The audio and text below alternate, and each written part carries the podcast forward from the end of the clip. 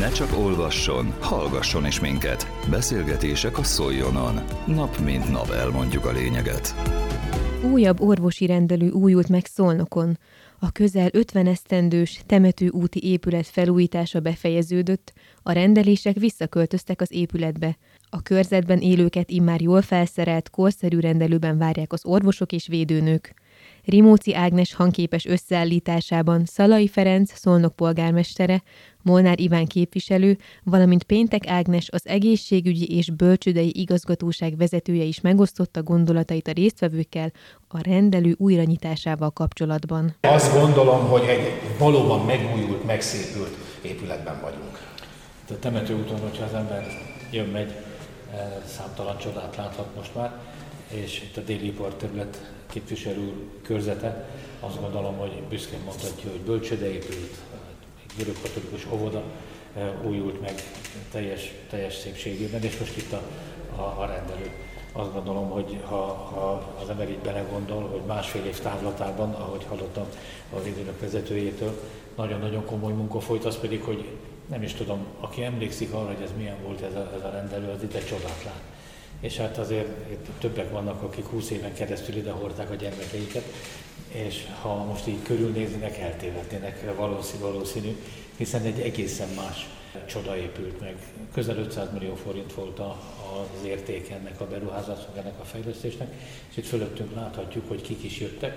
Lesz eh, házorvosi rendelés, lesz fogászat, lesz gyermekfogászat, és a védőnök is helyet kaptak, és épp előbb erről beszéltünk, hogy már épp ideje volt, hogy ugye a védőnői szolgálat Magyarországon egy, egy novum, tehát szerte a világban nem sok helyen van, sőt, nincs is olyan, mint a miénk, és itt Szolnokon is nagyon jól működik, és ők is kaptak egy helyet. Igazgatóasszonynak pedig külön köszönet, hogy ez egy ilyen nagyon gyors beruházás volt, és Kovács Éva igazgatóasszony, aki most nincs itt, szintén megérdemli talán még a, a, hát, hogy is mondjam, a designer kifejezést és fogalmat, hiszen érdemes benézni a rendelőkbe, hogy a szín, a színek harmóniája, a falak festésének harmóniája mind arról szól, hogy a betegek, akik idejönnek a lehető legkönnyebben viseljék az itteni esetleges problémák megoldásaig eltelt időt. Úgyhogy én biztos vagyok benne, hogy ez mindenki számára, aki itt él, egy, nagyon-nagyon komoly lehetőség arra, hogy gyógyuljon, arra, hogy jó helyen legyen. A városnak pedig sokkal olcsóbbá válik, mert ez egy nagyon-nagyon drága valami volt.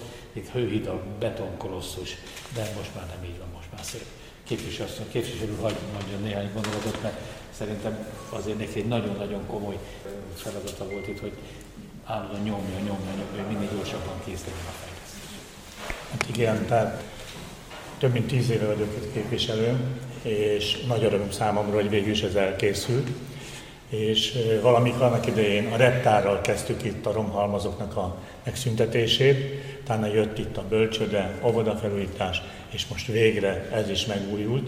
Ugye éveket vártunk, mire forrás lett, mire szépen meg lett tervezve, és hát ugye a kivitelezés is elkészült. Az sokkal rövidebb idő alatt, mint maga az előkészület volt, mert legalább 5-6 éve beszélünk erről, hogy ezt meg kell újítani, mert tényleg katasztrofális állapotok voltak itt.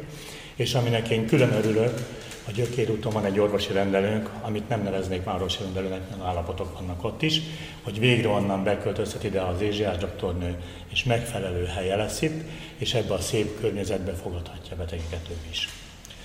A szakma részéről kérdezhetünk-e valakit az ellátási területről, az, hogy most minden együtt van, ez szakmailag ez egy jó dolog, mennyi gyerkőc felnőtt jön ide, statisztikát nem most akkor azt akkor nem, de majd lehet, hogy ez, hogy mekkora városrész, azt majd itt el tudjuk mondani, de akkor szakmailag, hogy valóban, amit kicsit már elhangzott, hogy küllemében, tartalmában, felszereltségében egy fél lépést hogy kérek már.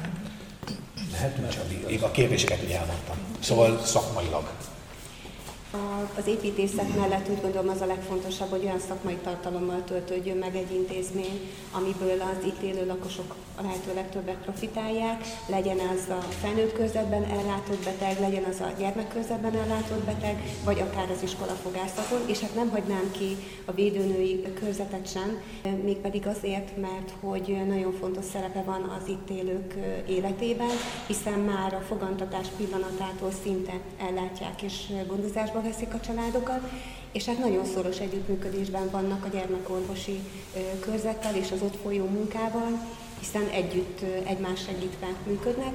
Én úgy gondolom, hogy akár a prevencióban, akár a betegségek kezelésében az, az mindenképpen meghatározó, hogy olyan feltételrendszerben tudjon működni. Ugye a tárgyi feltételek alap ehhez a, a feladatellátáshoz, tehát hogy olyan közegben tudjanak működni, ami mind eszközében, mind esztétikumában megfelelő.